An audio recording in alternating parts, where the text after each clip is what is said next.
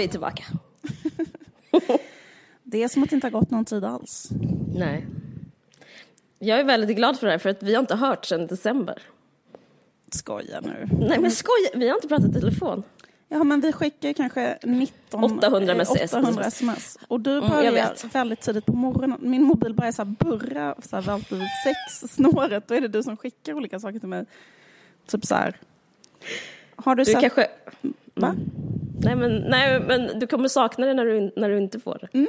Det kommer jag göra. Men du, ehm, nej men jag tänkte på det, eh, jag på cyklade och lämnade min dotter på dagis på vägen tillbaka, att vi inte har hört i telefon. Och att egentligen är det faktiskt, det är ribbingskt fel och det är jag som gjort fel. Det är helt sjukt. Sjukt av mig att inte ringa dig när du fick barn, eller? Okej. Jag tänker att det är lite så här... What the fuck Ehm. tänker jag om det? Eller? Du gjorde ju en så himla fin grej. Du skickade en blombukett och det tycker jag är helt rätt grej att göra när någon har fått barn.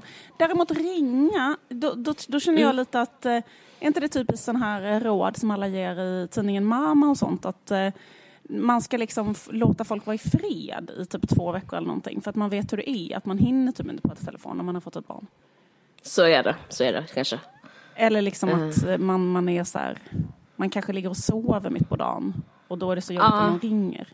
Ja, eh, det är sant. Det är sant. Det var, jag bara känner mig självmedveten och dum. Jag att jag tycker- stod med byxorna nere. Men det är sant. Jag hade glömt den här blombuketten. Du får eh, ett, alltså full pott för ditt Får jag beteende det? efter mitt... Fem plus? eh, ja, absolut. Tack. Tack. Eh, nej men... Eh, Får jag bara berätta en sak? Att jag sitter inne, vet att jag sitter inne i en garderob?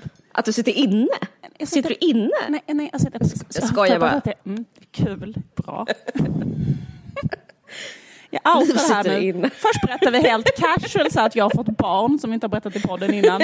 Sen berättar vi på ett jättekonstigt sätt att jag sitter inne. Ja, men Nej. det är, skit i det stigmat, bara kör. Bara kör. Nej, jag måste bara berätta att jag sitter inne i en garderob därför att Ja. vi har fått rådet att ljudet blir bättre. Så att jag liksom sitter helt inklämd i en garderob, väldigt eh, narniskt alltihop. Det skulle jag säga är nästan en klassfråga. Vem som har, alltså poddare som har den typ av eh, walk-in closets och inte. Jag har inte det kan jag säga. Nej, men det är inte en walk-in closet utan det är bara ett väldigt litet liksom, utrymme. Okej. Så att jag sitter väldigt eh, obekvämt, men det gör inget för jag är otroligt vig. Så att det är Ni kan tänka er själva en lång person med otroligt böjliga lemmar som är ihop Det är du. eh, eh, på en liten yta. Exakt det är jag. Ja, nej men det var ju länge sedan vi eh, snackade. Ja. Och eh, jag är egentligen inte så nervös, men jag bara liksom, typ, jag glömt vad vi, vad, typ, vad är en podd, vad håller vi på med? Så jag frågade på Twitter och på Insta, eh, vad tycker ni att vi ska lyssna på? För det är typ mest sådana människor som... Vad ska prata om? eh, Ja, vad tycker ni vi ska prata om? För det är, jag har typ några kompisar, men det är mest så följare till podden som typ följer med där. Mm. Och då skrev eh, alla eh, att de ville höra om, jag måste läsa upp här vad de skrev. Hur är Ola som biologisk far? Utropstecken. Om att få barn efter 35, utropspe- utropstecken. Att få barn, om det nya ba- om barnen. Ja, det ja. precis. Och det, det, de, det, de, det de syftar på är att jag har fått ett barn. Men det har, jag vet inte riktigt, jag tycker det är så speciellt för att det är så vanligt att ehm, dels kända människor men dels vanlisar också outar så himla mycket om sin graviditet. Jag är lite förvånad om det för, de, för jag själv är så nojig, så- alltså jag, eller liksom tycker det skulle vara så jobbigt att, att prata om det innan. Men jag har märkt på Instagram till exempel att det är väldigt vanligt att folk är så här Eh, jag vet inte vad, vecka 15, eh, snart är lilla Ines här. Alltså förstår du? Det är helt sjukt. Och så bara är man så här, så har de hittat på ett namn. Och alltså, eller det är inte sjukt, det är liksom härligt. Jag blir avundsjuk att folk är så himla Jag blir avundsjuk på att eh, inte ha den typ av, alltså avsaknad av ångest. Exakt, att det är det jag menar, När jag, att de är så här- när jag ja. ser ett sånt barnrum som bara snabbt, typ så här, tre månader kvar till typ det underbara som ska ske. Då tänker Mm. jag bara, ja ah, men det kommer ju bli dödfött. Eller Inte, alltså att man är så rädd för den, Exakt. för den Precis. typ av grejer. Att man kan inte ha, det är så gammaldags och vidskepligt kanske, men jag tycker det är helt sinnessjukt att köpa ett enda plagg innan ja, barnet ska prata nästan. Men det är ju mysigt att kunna göra det för grejen att det Ja, spelar ingen jag roll det. för man blir liksom ändå, du vet så. Men jag, men jag... ehm, Men jag tror tänk- de har rätt och vi har fel. Jag ja, tror det tror jag också. Exakt. Så jag det. Det är ett sätt borde att liksom ha- jag tro på borde livet ha- på något Exakt. Jag borde ha pratat om det här i podden. Men jag har inte gjort det. Men allt har gått, allt har gått jättebra. Gud vad kul. ja. Vad underbart. Absolut. Grejen är så här, jag, ehm, jag tycker det är ganska intressant därför att jag själv är också, alltså jag förstår alla lyssnare som eh, bara vill höra typ om eh, så här förlossning och barn och hur man har det i sitt privatliv. För att jag är exakt likadan. Det är liksom det enda Ja. som jag vill veta om folk. Självklart. Alltså självklart. Jag, menar, jag satt och tittade Ja. jättelänge på en Youtube-video eh, på Beyoncés tvillingar häromdagen. Där, de, där Det enda som fanns på den videon, det var bara en, det var, de hade bara ett jättesuddigt foto på, he, på Beyoncé med tvillingarna. Och sen så hade de liksom gjort en video som var så här nio minuter lång, typ, där de hade liksom bara spelat en låt och liksom zoomade på det här fotot på olika sätt. Typ så här, zoomade ut, zoomade in, zoomade ut, zoomade in. Och, och, Ja. eh, och jag satt liksom ändå, det gav ändå mig någonting. Liksom. Verkligen, det är helt Eh. underbart. Precis. Men jag själv är för stel för att prata om mitt privatliv. Men jag fattar, men du är det. Men jag tror faktiskt det finns en vinst med det. För att jag måste säga, och nu är det, bryter jag nog någon slags, eh, vad ska man säga, tabu ändå. Eh, Kalla mig normkrigare. Men jag måste säga att det är väldigt lätt, jag har väldigt lätt, kasta första stenen här, på mig själv. Jag har väldigt lätt att döma kändisar föräldraskap. Alltså Ja. det vill man inte hamna i heller. Jag ser typ så här, ja, men nu var det någon bloggare som pratade om så att hennes dotter fått tvåårstrots. Då, då, då gör jag en sekund för att skriva en kommentar. Jag skriver aldrig kommentarer. Men Nej, det skulle vara jättekul om du började göra det. Och, det. och då skulle du skriva, det är ditt fel. Det är ditt fel. Eh, det kanske skulle vara hemma mera. För det är allt jag känner. Läm du kanske ska göra mindre uppträdanden på tv. Du vet, alltså så grejen är att man Men hamnar i den form av skottlinje som är helt sinnessjuk.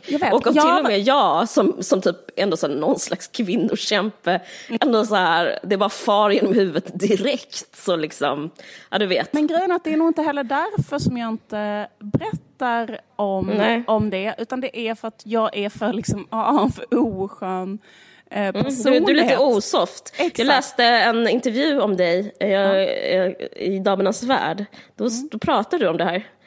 Eh, att, att du har väldigt stark integritet. Att du har svårt att prata om din familj. Så jävla Tyckte det var lång in- att jag- vara med i Damernas Värld och säga att man har integritet. så här, talar ut i jag Damernas tyckte det var en Värld. jättebra intervju. Alltså jag, är inte, jag skämtar inte. Jag tycker, men jag- det, det är också Aha, väldigt intressant. var okej, Ja, okej. Ja. För eh, jag kommer inte ihåg, jag har inte ens sett den jävla intervjun. Men, eh, Nej, okay. Den är jättefin och jättebra och den är Okej. liksom rätt så, mm, liksom lite närmare än det brukar vara och att du säger något sånt. Och typ. ja, jag tycker det var bra. Okej, nej men vad sa jag då? Jag minns inte detta.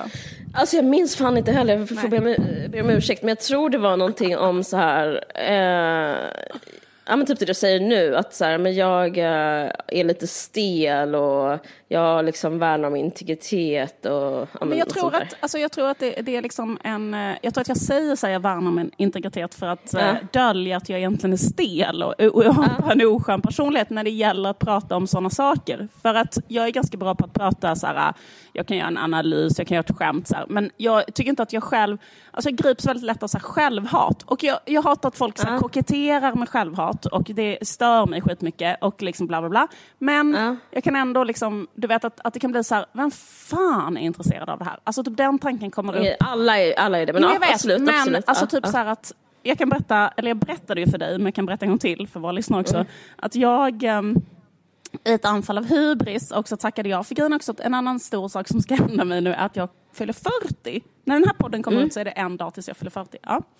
Och Mm. Det är har de en- fantastiskt. Ja, visst är det sjukt? Alltså hur fan kan det vara att jag ska fylla 40? Är inte det sjukt? Ja, det är sjukt med tanke på det avsnittet vi gjorde när vi hade en gemensam ålderskris när du var 32 och jag var 30 eller någonting. Du Och din, och din mamma typ, eh, liksom, sa till att så här, ni, ni, kan inte, ni kan inte typ ta på er den hatten, typ. Ni är för unga. Uh, vi gjorde, alltså vi, det handlar om Håkan Hellström, det, det avsnittet, du kanske inte minns det. Men det var verkligen att vi hade så jävla mycket ångest över vårt ålder. Men, men då, måste uh, ha varit, då måste jag ha varit 35 i alla fall, för att så jävla länge har vi inte poddat. Nej okej, 35. Men, ja, men, 35. men då, hade du, var... då hade du äh, ålderskris. Okej, men jag menar liksom, egentligen måste jag säga så här. Det som, är, det som är så jävla sjukt tycker jag, chocken är att tiden har gått så snabbt. Alltså jag fattar inte. Det är väldigt svårt.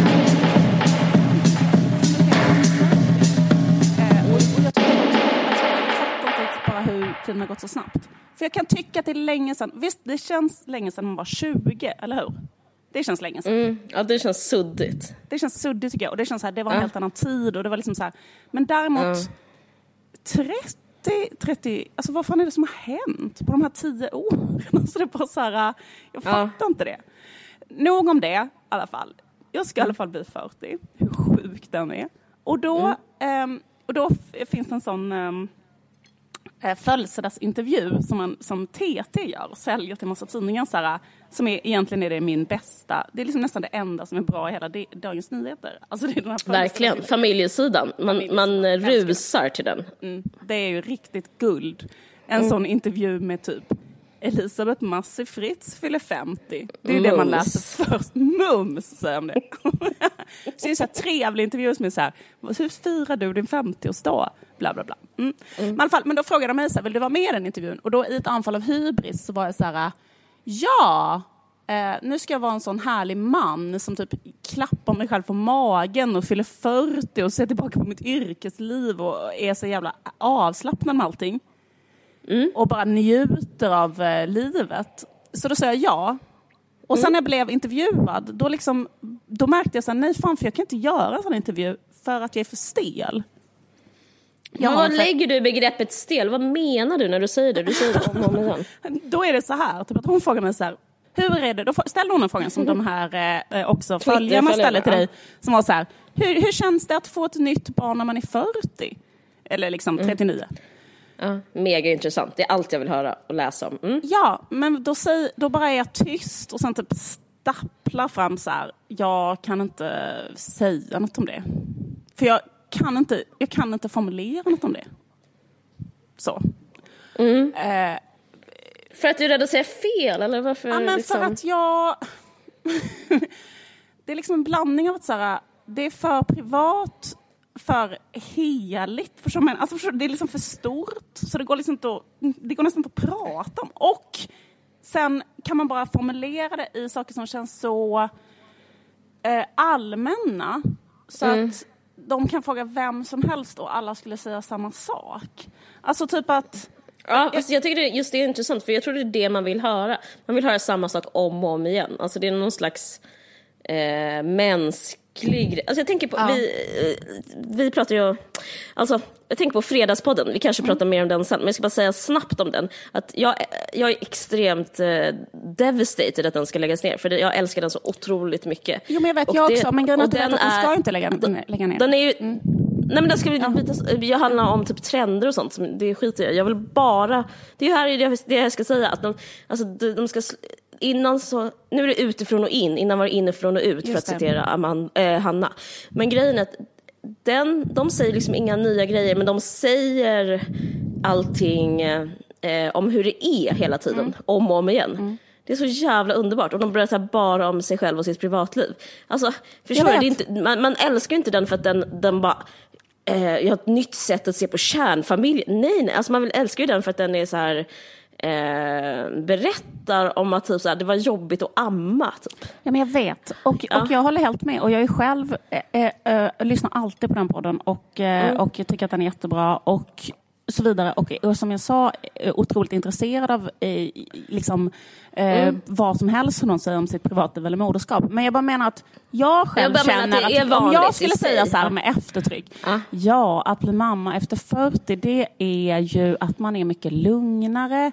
Det känns lättare allting. Jag vill höra det. Jag vill bara höra det. Det är liksom, ja okej, då, liksom du vet. Det, det, det, det, det, då är jag för oskön för att kunna säga en sån enkel sak. För, för då tycker jag så här, det här... Eh, det här är inte Det avspeglar sig som att du är liksom en, eh, att du är för svennig och tråkig typ som Ja, person. precis. Eller jag vet Ja, inte vad men jag det är. fattar. Men okej, och sen så en annan fråga de ställde var så här, vad gör dig lycklig? Och då bara låste, det också så här, låser sig för mig på ett jättekonstigt sätt. Förstår du vad jag menar? Jag bara sitter där och är så här, en sån, så här, världens mest så här, konstiga människa, alltså, världens mest awkward, mä- den här stackars, stackars kvinnan som ringer mig och vill ha så ett skönt samtal med mig om livet till 40. Och då är jag bara helt liksom, defensiv, jättestel, jättekonstig. Och, och, eh, och liksom, jag har ändå tackat ja till den här jävla intervjun. och då kan jag ändå inte säga så här, doften av nybakt bröd. Alltså förstår du? Eller något skit som gör mig lycklig. För då tycker jag att det är för... eh, Vad säger du då? Vad svarar Nej men då du? säger jag, jag mejlar dig någonting. Eh, eh, sta- säger på ett jättekon, med en jättekonstig röst. Typ så här. Jag, typ så här, jättestel. Eh, Mejla mig det här, mejla mig det här så ska jag tänka på saken. Sen kommer jag bara Mm. på roliga saker man skulle kunna svara. Typ, vad är dig lycklig? Det är så här, att, att vara smal, att, bli, att gå ner i vikt. Skulle vara kul att svara till exempel, tänker jag då. Eller det skulle vara kul att svara så här dumma grejer, förstår du vad jag menar? Att vara full, typ. Det är jättekul. Det skulle vara kul att läsa också. Ja, det är spännande att se vad det blir. Nej, men nu är jag ändå jättetråkig i den här intervjun. Men skit i det.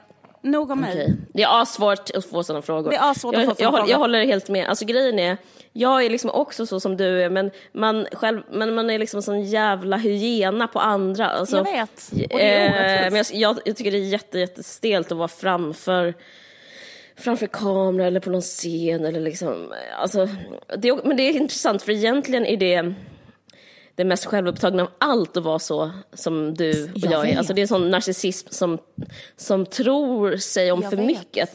Att, så här, att det spelar roll typ att man säger någonting. Och Jag typ vet. så, va, va? Jag vet. Det, det spelar ingen roll typ om du, Men- att du sak, men vad du var lycklig måste- av. Eller inget har hänt liksom. Precis, men jag måste säga en sak och det är faktiskt så Ja. att ibland så kan man behöva eh, också, jag tänker på det här med föräldraskap, för nu är mitt äldsta barn kommer fylla nio. Och då kan jag ändå känna att jag på sista tiden har börjat kunna säga vissa saker om det. Bara, är, hur är det att vara en mamma eller whatever. Men Ja. i början så kunde jag faktiskt inte riktigt säga någonting om det därför att det var så jävla... Eh, du vet när man är i något så kan man sällan är liksom formulera det. Så här, varför... Eller liksom vad, vad, vad är det här för någonting? Eller vad gör jag? Eller varför? Det är sant. Alltså, du vet, liksom, det är väl därför också man törstar efter andras erfarenheter. För att det är ju väldigt mycket så här, varför... Eller så man kan ju fråga sig till exempel så här, varför skaffar man barn? Eller Ja. varför... Ja. Eh, eller vad ska man... Jag vet inte. Jag har ju då en sak som jag själv är intresserad av. den, här, ny, Mm. den här idén kan jag bolla vidare till några... Nej, men jag har fått en tredje pojke, så jag har tre stycken pojkar. Och då... Eh, och det är också en sån grej som folk eh, kan liksom kommentera ganska mycket eller diskutera med mig eller vara så här, aha, vill du inte ha en flicka till exempel? Kan, ha, kan folk säga till mig eller, eller sådär. Eller så här. Och, eh, och det är också en sån sak som jag egentligen, det, det, det skulle jag tycka var ganska intressant att eh, studera eller typ intervjua folk om. Så här, Mm. Det låter nästan som så här P1 radiodokumentär tycker jag. Ja, eller sig, tidningen Mamma kanske redan har gjort detta reportaget. Men det skulle vara ganska intressant. Det finns ju många kvinnor, så här, kända kvinnor. Också kända Ann Söderlund typ. Mm. Ann Söderlund har bara pojkar. Det är också Ebba Witt-Brattström, alltså kända feminister som bara har Mm. pojkar. Typ fyra, hon har fyra pojkar. Ann Söderlund har ju fem pojkar. Mm. Och eh, vilka är det mer? Maria Sveland vet jag har tre pojkar. Mm. Jag har tre pojkar. Det skulle vara ganska intressant att diskutera så här, hur man Verkligen.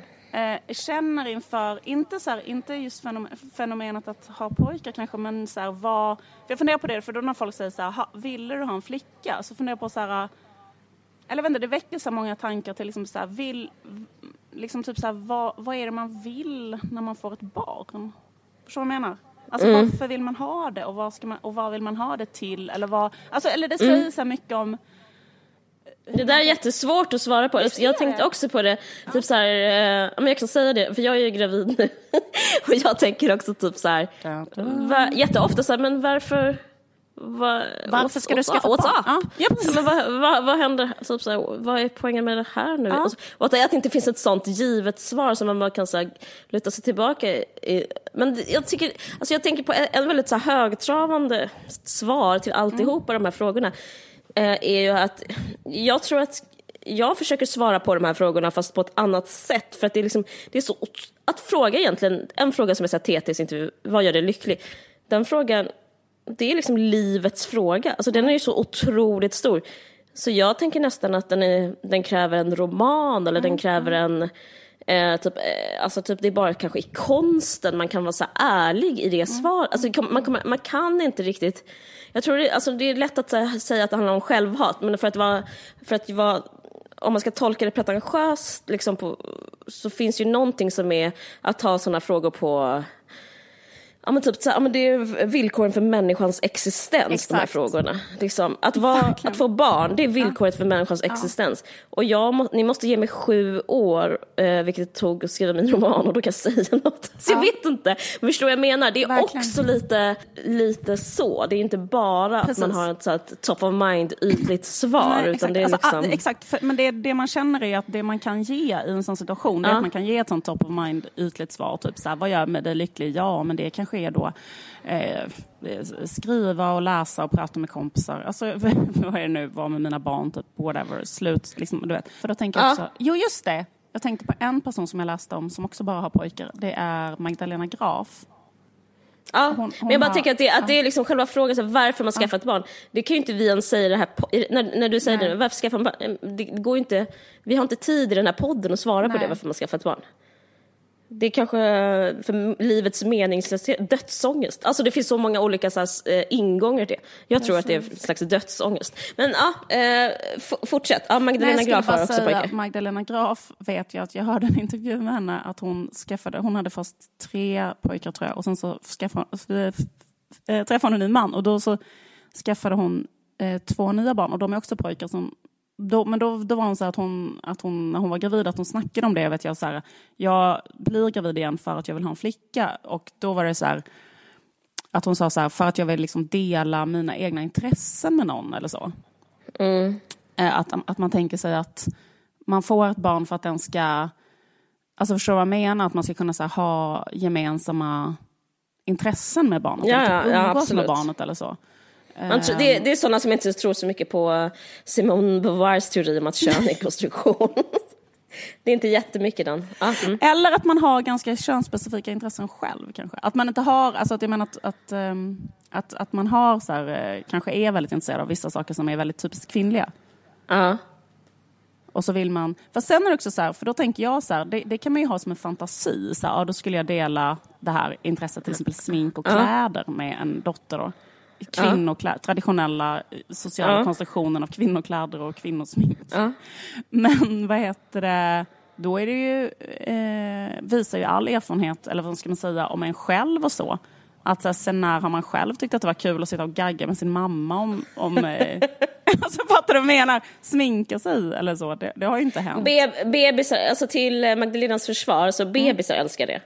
Alltså innan, innan barn blir, eh, liksom, gör så här föräldrauppror så Just det. de ju- Alltså mitt, min dotter, eh, hon sminkar sig mer än vad jag gör. Hon är två. Ja, ja. Så du, har Alltså- den. du lever drömmen om att sminka Jag lever sig tillsammans med ett barn. Ja men verkligen, alltså det, och det är typ... Eh, jag är typ halvintresserad också till så här, eh, utröna orsaken. Men grejen är att hon så nosar upp läppstift och hon står framför spegeln och sminkar sig och skriker att hon kan själv. Och, du vet, ehm, det är jättemycket sånt. Eh, och, alltså det är väldigt lätt att bli biologist som förälder för att Jag jag, ser men- ut som skit. Jag har, jag har liksom inte ens byxor, jag har inte ens trosor på mig. Jag bara går omkring med så jättestor mage och ja, typ. ja men jag, jag sminkar mig inte överhuvudtaget. Men hon har hittat smink liksom. Liksom hon har hittat Som det hon- utan att du har liksom varit hennes kvinnliga förebild och visat hennes smink, utan hon bara nosat upp det själv. Absolut, absolut. Men jag Alltså- ska inte skryta om att ha haft ett queert barn, men jag menar, jag Nej. har, ju en sån som också i och för sig va- Ja, men jag- ville exakt. ha Det kanske är smink och barngrej. Ja, men det är en barngrej för att han förstod De gillar som att det var bling, bling coolt liksom. att ha ett läppstift i sin låda på dagis. Mm. Och det här minns jag själv från dagis, för jag kommer ihåg att det var coolt att ha läppstift. Och att Mm. eh, man kunde få en fröken att måla läppstift på en om man liksom gick in i ett rum. Ja, det är jättemycket sånt. Ja. Skitsamma. Men det är, dock- det är intressant att män gillar sminkade tjejer. Betyder det då att män liksom vill ha ett så här, ett, någon som är ett barn? Alltså det kanske är liksom en sån grej. Men gillar män verkligen sminkade tjejer? För att, alltså, är det inte så att män tror att de gillar Det, är också sån där, det krävs en roman för att fråga liv. Nej, det är jätteenkelt. Det är så här, det går att formulera De gillar en naturligt sminkad tjej. De tror att de gillar en osminkad tjej för de fattar inte att hon är sminkad. Och så om de ser en osminkad tjej tycker de hon är ful. Och sen Ja, så det är sant. Att de Alla vill så här undersökningar, de hatar så här rött läppstift och Ja. de hatar typ så här brunt och svart läppstift. Det är sjukaste De som vill finns. ha någon som de inte själv förstår är sminkad. Liksom. Och så tror de att Exakt. de gillar naturliga kvinnor. Det är jättekul.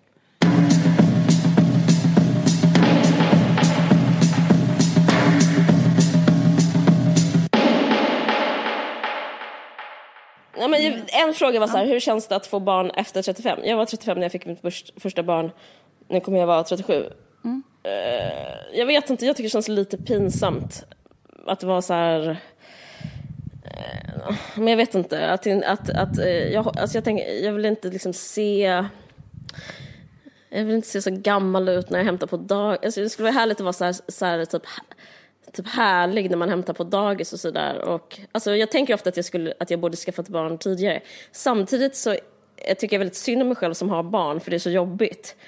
Eh, och då brukar jag liksom hålla den här, att fram till 35, att det var liksom då fick jag i alla fall leva typ. Och nu så, nu går jag med på att ha blivit satt i ett slags fängelse av livet.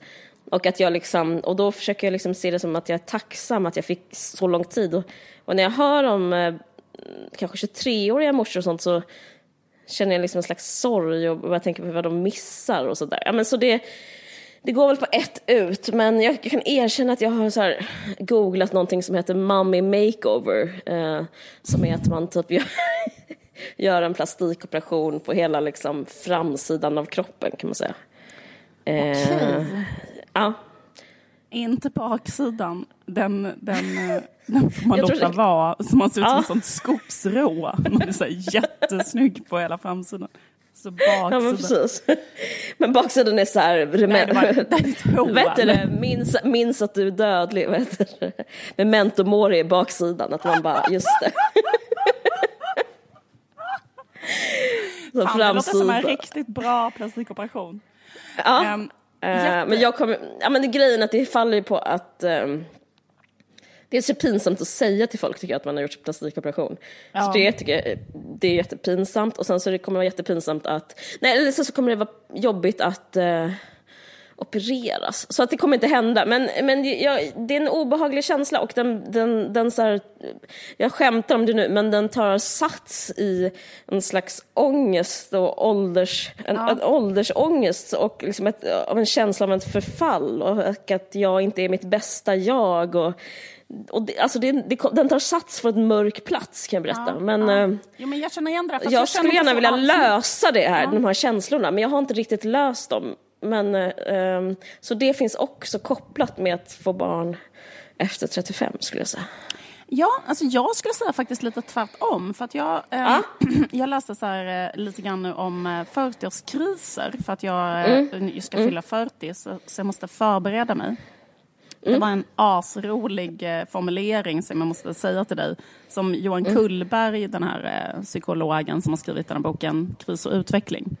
Mm. Ja, han, han, han formulerat eh, 40-årskris att det handlar om citat, den kränkande realiteten att Mm.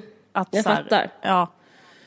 Eh, typ att man blir kränkt av att när man är 40 så det blir så tydligt att så här, nej men det är bara det här, alltså livet, det blir inte bättre. Alltså typ lite så. Att, och så Mm. blir man kränkt av det. Typ så här, när man är 20 så kan man liksom fantisera om så här, mitt liv, det Sen, ska, ja. det, sen ska detta och detta hända. Men när man är 40 så blir man så här, eh, vad ska man säga, det, är liksom så här, typ, så här, det, det, det är att du kommer att leva ungefär så här. Och, du, ja, då, och då kan, kan man få en kris av det. Ja, Eh. jag förstår.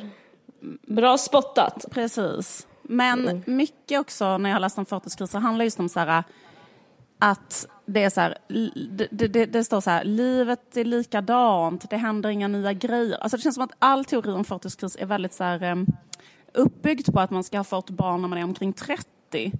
Eh, så att då ska det vara liksom som att barnen är ungefär 10. Och eh, man kanske har jobbat på samma jobb i 10 år, man kanske ska ha varit ihop med samma kille i 15 år, bla bla bla bla. bla. Och då börjar man känna så här, oj, går inte livet lite på tomgång? Och då ska man bli så här, skaffa en motorcykel eller vara otrogen eller bla bla bla. Det är liksom lite det som är den, den klassiska liksom, 40-årskrisen. Men då kan jag känna så här, när man får barn nu, då är det inte alls, alltså jag känner inte igen mig någonting från, eh, från den 40-årskrisen. Um, för, att, för att jag har fått ett barn. Så det känns så här, det, det, är inte alls att eh, allting är likadant, tvärtom. Alltså jag är du, i det, det, här är material, det du säger nu är så, det här är Fredagspodden-material. Det är jättebra. Det, det, är, det är det här folk, det är det här de ville komma till, de ville höra det här.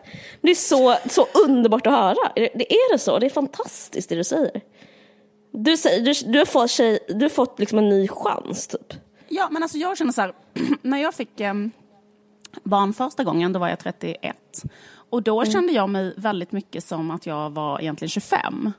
Alltså jag var typ mm. väldigt... Jag tyckte också att du var för ung. Jag ja, minns det. Jag bara, det, här är, det är för sjukt. Vad håller du på med? Jag vet. Jag kände så här, var är tv-teamet som ska göra en intervju med mig om hur det är att vara en helt utflippad ung mamma och göra en dokumentärserie om mig? Och sen var det så här, men du är ja, fan 31. Liksom. Det var så här, ja. gud vad flippat om jag skaffat barn nu bara. Eh, mm. och, men, eh, så att jag, och, och, då var det ju väldigt mycket så här med det barnet bara, eh, hur, liksom det, det, det, som jag tänkte på då var mycket så här, hur, hur, ska jag kunna gå ut på krogen och dricka öl nu när jag har en bebis? Och då fick jag mecka med det på olika sätt, du vet, så här, ska man mm. Pumpa ut, ska man ha mjölk? Det var mycket sådana problem bara för att kunna så här, ta sig ut på krogen. Nu känner jag så här, mm. vad fan ska jag gå ut på krogen? Eller vet du, det känns ju helt mm. liksom Um, eller det är ju inte så sjuk jävla stress att jag efter två veckor måste, så här, måste sitta och öla typ någonstans. Alltså förstår du vad jag menar? Nej men det, jag, jag skrattar för att jag, jag minns att det var sån stress. Ja, men exakt, det typ var här, sjuk stress att du skulle öla. Ja, det var precis. viktigt. Det var, liksom så här, det, det, var ju liksom totalt sinnessjukt att inte ha gjort det på så länge. Och det var liksom som en stor grej att man måste igen börja ta upp så här, samma typ av så här, alkoholvanor som jag hade haft innan. Vilket var typ att vara så här jättefull kanske tre, fyra dagar i veckan. Alltså, eller du vet. Liksom, att man Try liksom... fem, men absolut. ja men precis. Ja. Att det var så här, för det är så här ska jag leva liksom.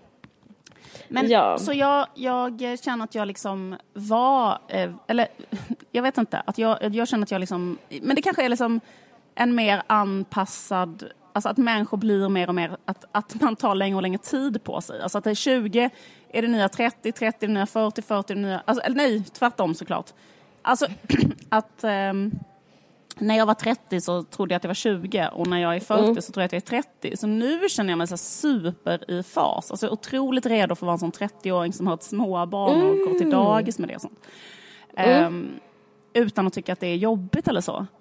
Mm. Eller så här, jobbigt att inte kunna vara på krogen och så. Det, det känns så här... Um, Ja, men jag fattar vad du menar, men jag håller med. Men jag tycker allting, jag håller med om allting. Eh, men det är liksom nästan som en tvångstanke jag har, som jag tänker på rätt ofta, som är att jag är ehm, eh, för, alltså, jag är, jag, jag är egentligen 30, alltså jag är 37, mm. Men jag är 30.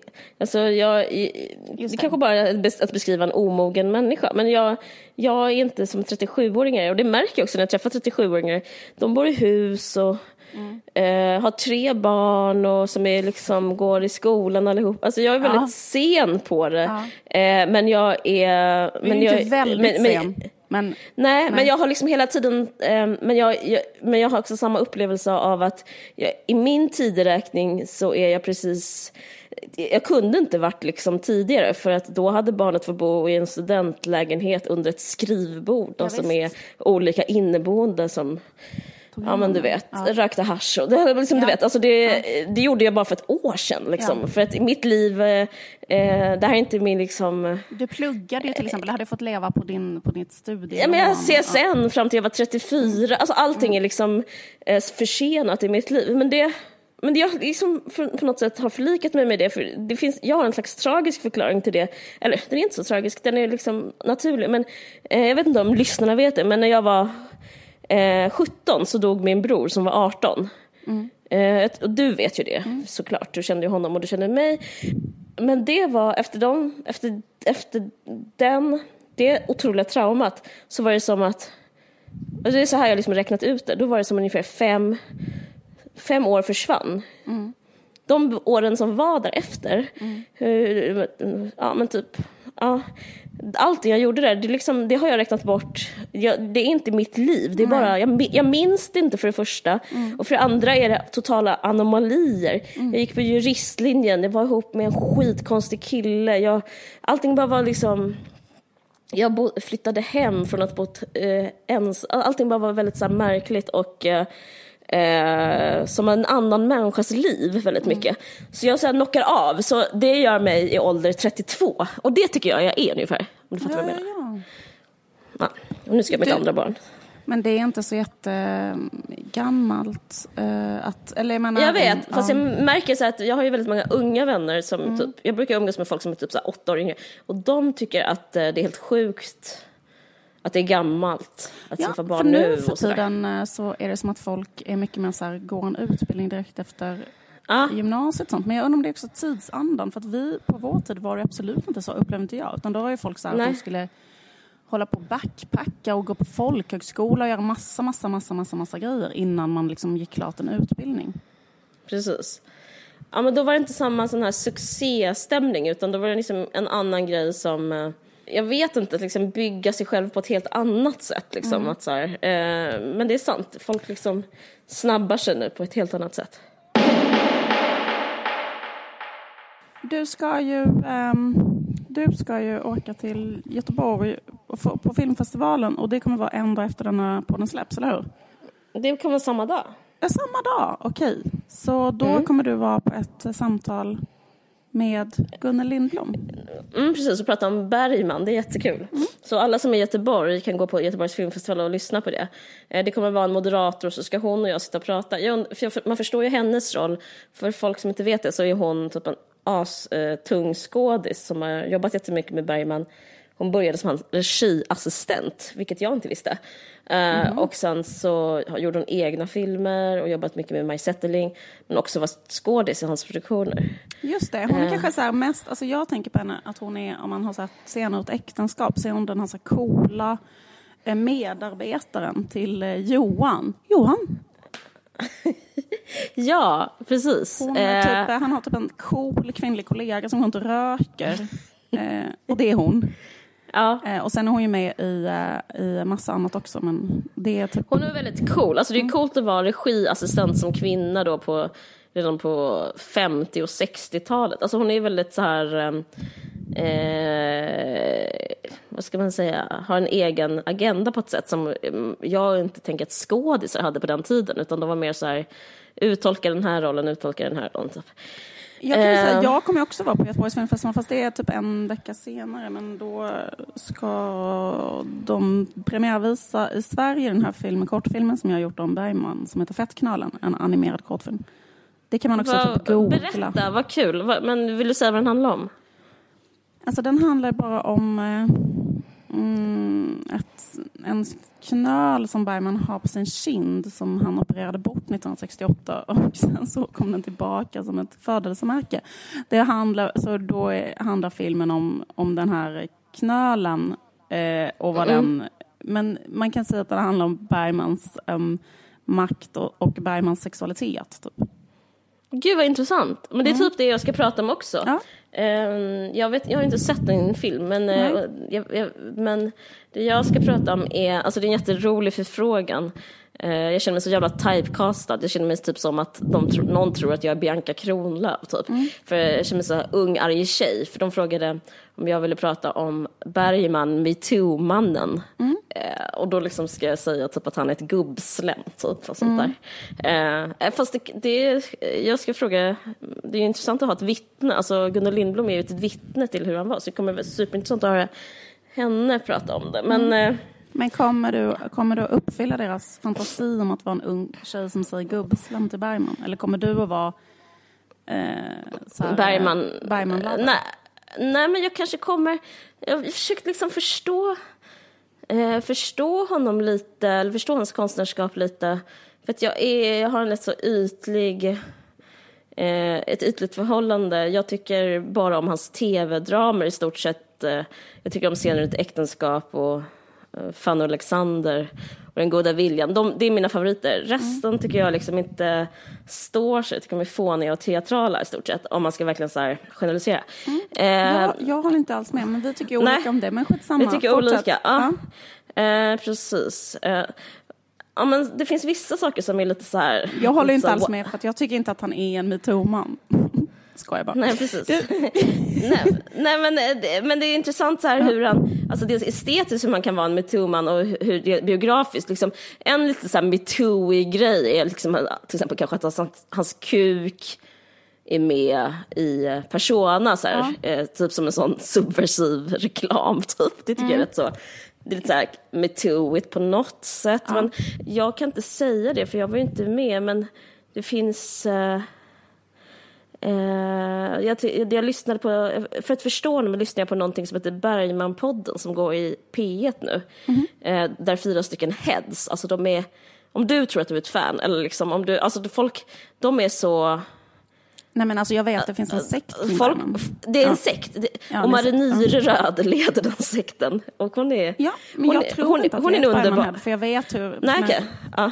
Ja. Okej, men hon är det. Men nu- Hon, gjorde, hon har gjort jättebra dokumentärer. Jag, jag, jag tycker att hennes arbete med Bergman är faktiskt väldigt eh, underbart och sådär. Men eh, jag träffade faktiskt henne på en eh, liten födelsedagsfest på Grand Hotel där vi stod och snack, snickesnackade lite om Bergman. Eh, och då var hon väldigt så här, alltså det är väldigt typiskt hur vissa kulturjournalister är och även alltså, de som, som uttalar sig väldigt mycket. Då var han så här, men han var en gentleman, han skulle aldrig, han skulle aldrig göra någonting, han skulle aldrig göra en kvinna för när. Han hade, han, du vet, liksom att, att ha en jargong som är som att han eh, eh, att han stod över hela metoo, eller liksom eh, sl- snuskeriet.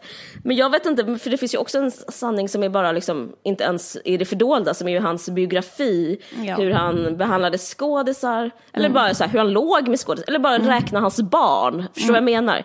Eh, han, har ju, han har ju knullat runt. Alltså Ja, det, även, om, även hur än är så liksom knulla snett och knulla runt. Alltså det, det gjorde han. Men, men, det, men det är intressant att lyssna på den här podden för den är em, så otroligt skönmålande av honom. Men en sak var intressant som de sa och det var att eh, innan, alltså att han fick inte sitt break.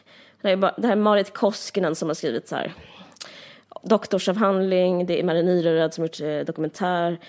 Eh, jag minns inte vad de här två gubbar också, eh, liksom Gun, Gunnar Bolin. Eh, ja, att han fick sitt eh, liksom, stora genombrott när han gjorde Scenen ett äktenskap. Och innan dess, eh, för att han hade liksom inte velat vara politisk. Och om man tänker på hans filmer innan så har de varit mer så här relationella och liksom psykologiska. Men att, eh, alltså nu kommer jag säga någonting som är till din och Bergmans fördel, eller i alla fall Bergmans fördel. Att eh, den togs emot, det tycker jag är väldigt intressant med sin direkt äktenskap och det är kanske är därför jag intuitivt så här älskat den också. För den togs emot som en så här en ny feministisk film, eller tv. Det var liksom var en slags, Men den är ju det det. var liksom en kvinnosak, absolut. Och eh, jag minns att jag snackade med min mamma om den här, jag tror jag har sagt det här kanske innan, till dig eventuellt i alla fall, men i podden kanske inte. Men att hon, det blev liksom en våg av skilsmässor. liksom, skilsmässor, ja. Och hon skilde sig, alltså min egen mor skilde sig efter att liksom ha sett senare en äktensk- Utseende ett äktenskap. Det är liksom ändå Från potent. sin först, liksom. Inte från din pappa, utan från sin första man. Från, sitt förs, från sin första Ja. Mm. man. Från sin första man.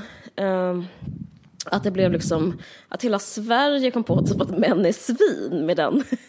Jag vet, men det som är så det jävla alltså intressant- härligt. Ja.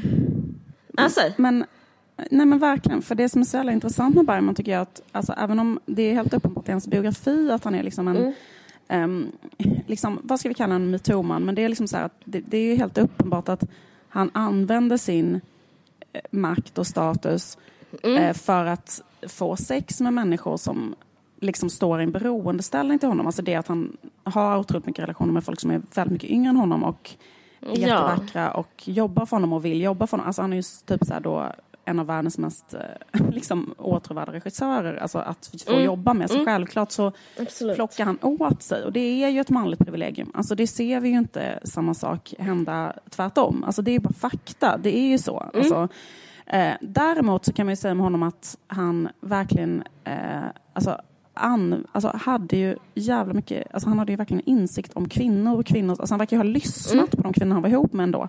Och, mm. eh, för annars hade han inte kunnat skriva så mycket kvinnoroller. Alltså, han, har, han har umgåtts otroligt mycket med exakt. kvinnor. Alltså, vet, han, nästan han, bara, bara umgås med kvinnor. För han är också ja. så att han, liksom, eller att han umgås ju väldigt mycket med dem han ligger med. Alltså, han, ligger, alltså, han, han, har ju inte så ett killgäng. Alltså, han är ju inte manssolidarisk. Han, han, han heter grabbgänget nej, nej. Så, och sen så liksom träffar han liksom full och ligger med någon. Utan han är bara så, han, älsk, han verkar älska förälskelsen, ja. relationen, liksom, Ligga kommunikationen. Snacka, kom, exakt. exakt.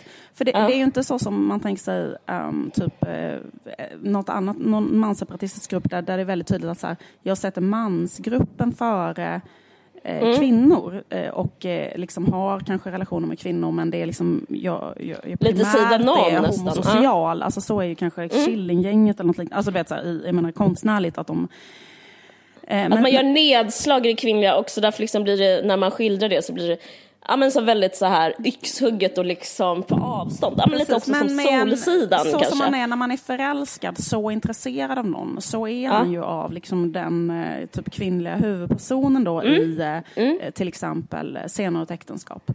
Alltså så hur intresserad han är av hennes psykologiska ut utveckling och så. Och den är ju jättefeministisk såklart. Det, ja, det är ja. Liksom, ja, det är jätteintressant.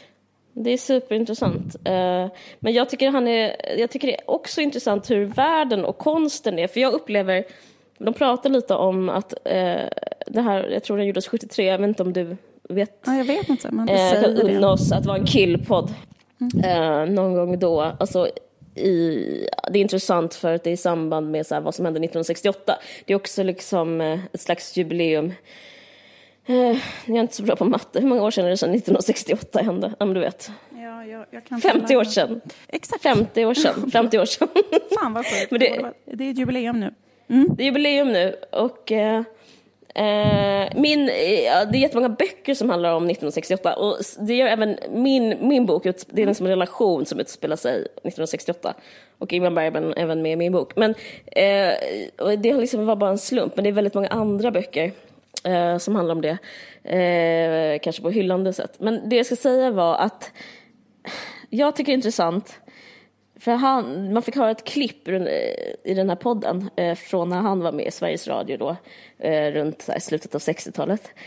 För han har aldrig liksom ansetts politisk, han har bara varit liksom borgerlig och mm. eh, att han att vad det är som står sig konstnärligt. Jag, alltså jag tänker det, jag är intresserad av det ur ett egoperspektiv, alltså hur man, vad som är trend och vad som inte är trend. För att mm. då när han när, han, eh, när det stormade mm. politiskt, mm. då var, han, var hans status så fruktansvärt låg för att han mm. gjorde så här söndagsbarn och du vet, alltså, du vet så här mm. eh, kris och sånt där. Och då kom Bo Widerberg till exempel, som är en underbar regissör. det här är så här gubbälskarpodden, mm, mm. jag vet att det finns andra sidor. Men jag uppskattar hans konst väldigt mycket. Jag älskar också. Mm. Eh, ja, och liksom, det fanns liksom en hel, så här, en hel kraft av så här, unga regissörer. Och den som stått sig mest kanske är Bo Widerberg, men det fanns mm. liksom ännu fler. Och Bergman var, hade så superlåg status. Mm. Eh, men därför tycker jag, jag kanske säger det här för att så här, trösta mig själv, för jag anser inte mig vara en särskilt politisk författare. Nu har jag, jag precis lämnat in min bok igår och liksom eh, är väldigt så här, inne i den fortfarande. Och att jag, det har liksom stressat mig lite så att det finns lite så politisk jag tycker det finns en politisk trend eh, som, eh, som kanske är liksom lite samma som när, när Bergman jobbade. Mm. Men att ändå så liksom att det inte spelar så stor roll typ kanske om några år, att så här, det som är bra är bra oavsett, eller liksom man behöver inte göra det eh, som, eh, som är trendigast just nu. Om du förstår vad jag menar. Absolut. Alltså, Menar du att när han gjorde Senare äktenskap att han var politisk i den? Eller vad menar du? Det var, jag menar, att, jag menar att, att allting annat anses ja. också bra och det är inte politiskt. Men Senare äktenskap var det första politiska och det är också bra. Men jag menar, jag menar så här att det finns, eh, men Senare äktenskap kan lika gärna beskrivas psykologiskt. Jag menar att de som var politiska, mm. förutom Bo Widerberg, står sig inte idag. Jag tycker det är pyttelite intressant. Man, min, man kan inte ens rabbla upp liksom, de olika människorna mm. som som eh, höll på liksom, i stort sett. Men, och det tycker jag säger någonting. Ja, alltså jag måste säga två saker om det. För jag tycker så att, för det är en ja. anklagelse man ofta får, tycker jag, så här, typ, eller jag har blivit så anklagad för det till exempel. Så här, ja, det är inte riktat mot eh, dig, det är mer som nej, tröst nej, mot jag mig. Vet, jag vet, jag vet, jag vet. Mm. Men jag tycker det är ganska intressant ändå, för att ibland så säger man det som en, liksom, en anklagelse mot folk som gör till exempel politisk eh, satir. Eller jag har fått det som en anklagelse mot mm. min konst till exempel. Jag har gett ut en mm. massa album som handlar till exempel om mm alliansregeringen, alltså whatever. Och så är folk mm, så här bara, mm. ja men hur ska det här stå sig? Det här är inte odödlig konst på samma sätt som typ Rocky är för att, förstår du vad jag menar? För det skildrar ett vardagsliv. Mm, och de har så här, nej det är klart att det inte är det, för att det här handlar ju om någonting som händer just nu. Men vad, vad, liksom, varför har man idén att något ska vara odödligt? Eller förstår du vad jag menar? Någonting måste ju handla om, alltså man måste ju få göra um, konst om det som handlar nu, om någonting nu och sen är det inaktuellt om, ett, eh, om en vecka. Men, absolut. Eller, eller, typ absolut. Att, eller ibland så tycker jag att det är en sån konstig eh, eh liksom, Men jag eller, tycker det är tvärtom. Jag tycker det är, att det är det som är det som är det nutida, just nu, nu, nu, som är det liksom menar, premierade och trendiga. Ja, eller, men, men du upplever ja, okay. att det är liksom i, Nej, jag i menar att, här, att, att, folk eh, ofta säger så här, eh, eh, ja, men saker som handlar om eviga ämnen, ja, men det är odödligt ja. och det är det som är bra därför att det kommer alltid att vara intressant för folk och så.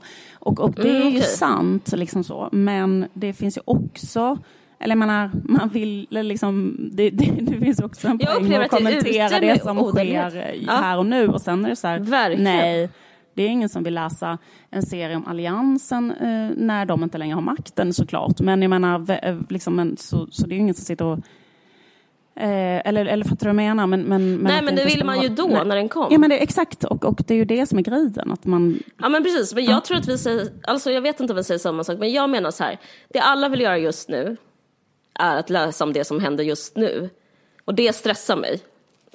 Och därför tycker jag den frågan är felställd. Jag tycker inte det är som att jag upplever inte att det är så att alla vill läsa om något odödligt, utan jag vill uppleva att alla vill läsa om något trendigt. Eller trendigt i den bemärkelsen liksom att, det, eh, att man sätter fingret i luften och säger vad är det som liksom, vad smärtar eller vad, vad händer, vad är ett problem typ, just just nu. Ja. Och, eh, och i min bok mm. så är det inte det som, det är inte just just nu. Det är liksom, och därför fick jag, jag då, en slags tröst och känna så här, ah, okej, okay. men Ingmar Bergman gjorde inte heller just just nu, han gjorde typ någon som blev, han, någon blev tyst typ och han typ så här utforskade det. Alltså att det finns liksom, eh, jag tycker inte det är så inne med odödlighet, men det kanske, det kanske, vi kanske har olika ingångar till det. Jag, upp, jag upplever att det är liksom ute med odödlighet helt enkelt. Ja, jag tror att, liksom, att man, man, eh, man hör det som man själv eh, uh får ha en punkt i alla fall. ja men verkligen, verkligen. Det, det är väl helt självklart att det är liksom, ehm, alltså typ det som är bra är det som står sig ofta. Mm. Fast så är det ju inte heller. Jag tänker på till exempel Maj Zetterling. Det är ju ingen som kollar på hennes filmer. Nej. Att betyder det, vad, vad, vad, betyder det menar du? Det betyder att eh, folk bara kommer ihåg män till exempel. Och det betyder ja, inte att det är män som är bra, utan det betyder att de bara har skapat en kanon där det är det, liksom det de gör. Ja, men precis. Men på det, det är ju intressant med Bergman, för han, han fick verkligen vara med. Liksom. Gud, ja. ja. Det är också det de här unga, arga 68-konstnärerna är arga för. Men det är liksom intressant att han liksom ändå liksom inte... Alltså det är så otroligt patriarkalt att han sitter ändå så jävla still i båten. Gud, ja. Som, inte ens här, liksom, världens studentrevolutionen liksom rör honom inte ryggen. Verkligen. Men ska vi säga en sak till om det innan jag glömmer det. Men jag såg Guldbaggegalan. Ja. Jag vet inte om du såg den? Nej, jag såg inte den. Då, jag tycker hon är så fruktansvärt bra. Petra Mede som eh, ledde den. Så hon, mm. och, alltså, det är så, jag var ju också på sån här, vad heter det, stand-up och så Chris Rock. Mm. Jag kände, det, var liksom, det här var min andra stand-up eh, den här på kort tid kan man säga. För, alltså, det, mm. alltså när, med det så här rena skämt som, så mm. bara, som läggs. Mm. Och jag tycker det är så intressant för att det här var så hon, hon, är så mycket bättre. Alltså hon var så fuck, alltså det, jag säger inte det här för att säga kvinnor kan-grej, utan hon, det var liksom, jag satt och garvade och grät i, i tv-soffan. Hon var så himla rolig och hon är alltid jättekul.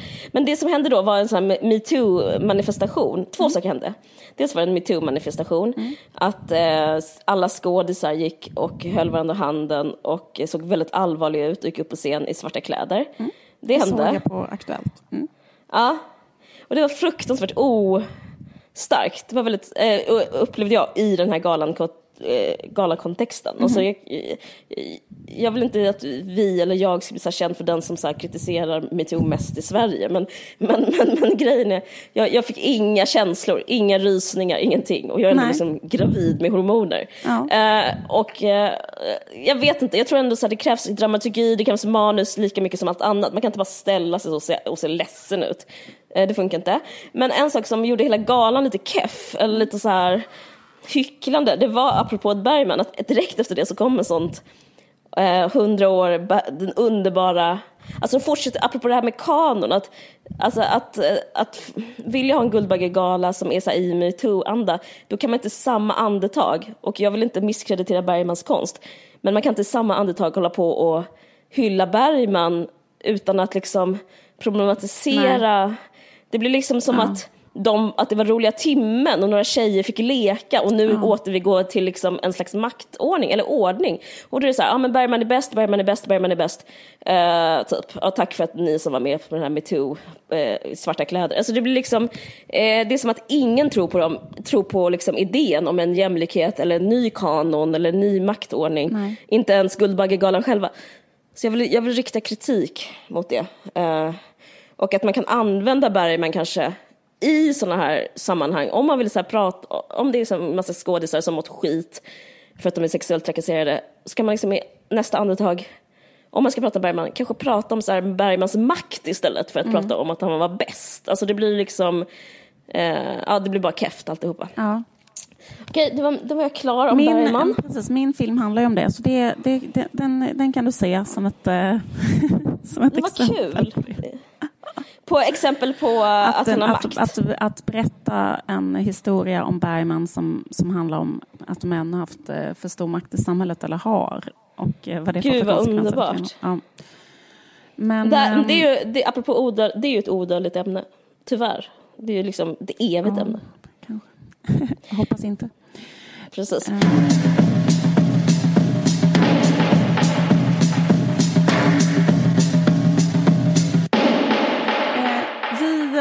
är väldigt tacksamma för att den här podden är liksom stödd och görs möjlig av eh, lite olika aktörer. Till exempel Nextory. Uh, Nextory är ju en, Nextory.se, det är ju en tjänst där man kan uh, gå in och då finns typ alla böcker, otroligt mycket böcker faktiskt, både mm. som ljudböcker och e-böcker. Mm. Uh, och nu så finns det en, ett erbjudande om man lyssnar på den här podden så kan man gå in på nextory.se kampanj och skriva in koden VARG. Eh, och eh, då får man 30 dagar gratis. Ja, det är helt underbart. Och eh, jag har, jag skulle vilja tipsa om en bok som finns där. Alltså mm. det är bara liksom att alla, alltså det finns hur mycket som helst. Men bara för att Virginia Woolf fyllde år igår. Wow. Den 25 januari ja. så, så började jag, du vet som man fastnar på folk på Insta, jag fastnade liksom på henne. Ja. Eh, och så började jag liksom kolla in henne sådär och blev väldigt eh, sugen. För jag läste för när jag var 17 eller något sånt där, A Room of One's Own. Mm. Eh, och minns typ ingenting av den och eh, jag vill, jag, jag, vill läsa om den och eh, jag är jätteglad att hon finns. Typ. Och det känns helt underbart att jag bara kan gå in och ladda ner den som e-bok nu och bara göra det. Helt fantastiskt.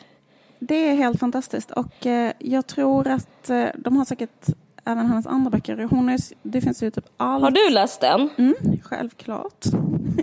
ja, men jag, läste, jag läste den, och, för jag var ju med i det här tv-programmet Liv och Horace i Europa och då liksom valde jag att prata om henne. Så jag har faktiskt liksom varit um, i så Cornwall där hon var när hon var liten och kollat ah, på det huset där hon bodde. Och då i samband med det så liksom läste jag om en massa böcker av henne. Så ja, alla de kan man ju... Mrs Dalloway, Orlando, Orlando är ju så jävla härlig. Den ja, tycker jag ja. man kan läsa bara för så jävla härligt språk. Mm. Eh, och eh, jätteunderbar. Annars är det ju de stora mästerverken kanske är mot fyren. Mm. Uh, ja. Men uh, jag kan tipsa om en helt annan typ av bok uh, som mm. jag har läst nu på jullovet som är Mikael Persbrandts självbio. Som han har skrivit samarbete med Carl Johan Wallgren tror jag. Mm. Kul för dem att få pengar.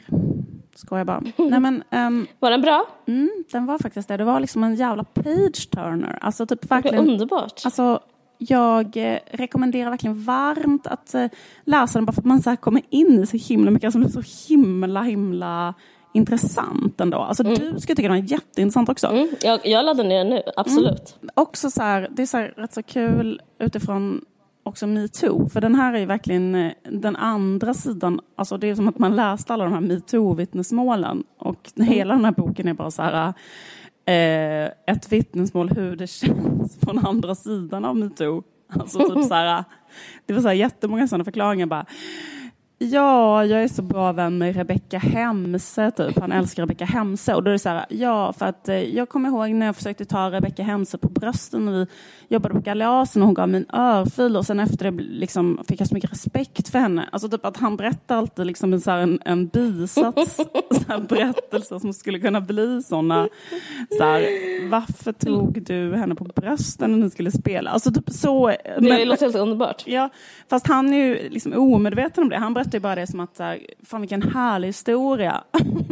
Ja. Han har ju väldigt mycket sånt uh, hora madonna-komplex också. Eller han gillar ju... han borde försvara hur det känns att bli gravid som fem... Han, ja, han ska barn också. Precis, att, att bli pappa sent i livet. Mm. Men, men alltså den är, den är, den är jätte... Den är jätte jättespännande. Alltså verkligen läs den. Det, det, det, är så himla kul. Han berättar väldigt öppenhjärtigt om hela sitt då, eh, liv som eh, eh, att han eh, tagit otroligt mycket kokain och då bara vad som hände. Det är väldigt, väldigt, alltså det är otroligt eh, juicy och väldigt så självutlämnande. Det är väldigt bra. Mm. Jag vet, jag ska bara säga en bara pytteliten parentes. Jag tror inte han har tagit så mycket kokain som han gjort, för det är så många sådana historier som är så här, eh, jag typ sniffar kokain från någons kuk och sånt där. Det är så mycket så det är för avancerat, men absolut. Eh, Nej, alltså det är verkligen så. Alltså, han har tagit så mycket okay. kokain, Caroline, så att det är, fan, alltså, det okay. är sjukt. Alltså, det är sådana berättelser när han är i Brasilien och ligger bara i eh, koma i tre veckor och kommer inte ihåg någonting. Alltså, han är där med Unicef och så, där finns otroligt mycket droger, kanske känner till, Latinamerika, där man ja. kanske kokar kokainet. Och eh, nej, gör det från grunden och då får han så himla starkt kokain så att han blir, alltså du vet. Liksom- okej, okej, okej, jag tror på det. Jag tror på det, jag ska läsa. Men jag måste nämna igen erbjudandet så mm. folk inte glömmer bort det. Mm. Eh, och det är våra lyssnare mm. får 30 dagar gratis. Wow. Och för att få det här erbjudandet så går man bara in på nextory.se kampanj och så skriver man in koden VARG och så kan man själv göra sin uppfattning om Eh, saltar han historien? Sockrar han? Eller var han så hög? Det, blir, ja, det är superintressant. Det blir superintressant. Sen startar man en sån diskussions...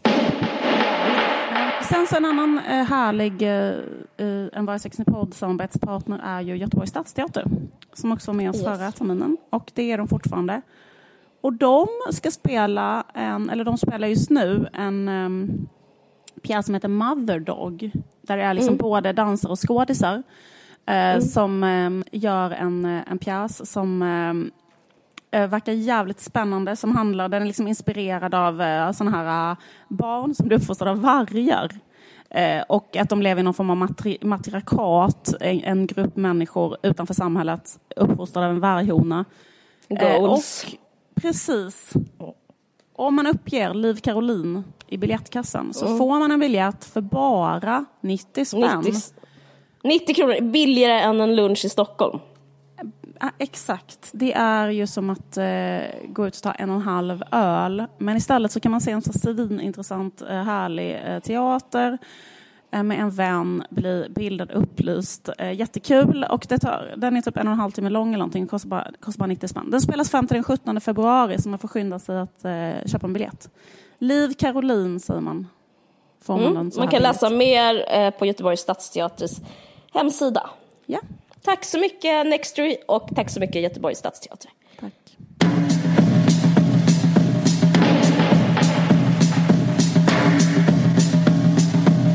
Men okej, men vi säger hej då då. Mm. Och grattis på födelsedagen, du fyller år. Tack. Okej. Okay. Eh, okay, tack för att ni har lyssnat. Eh, ha det så bra, puss och kram. Hej då. Hej då.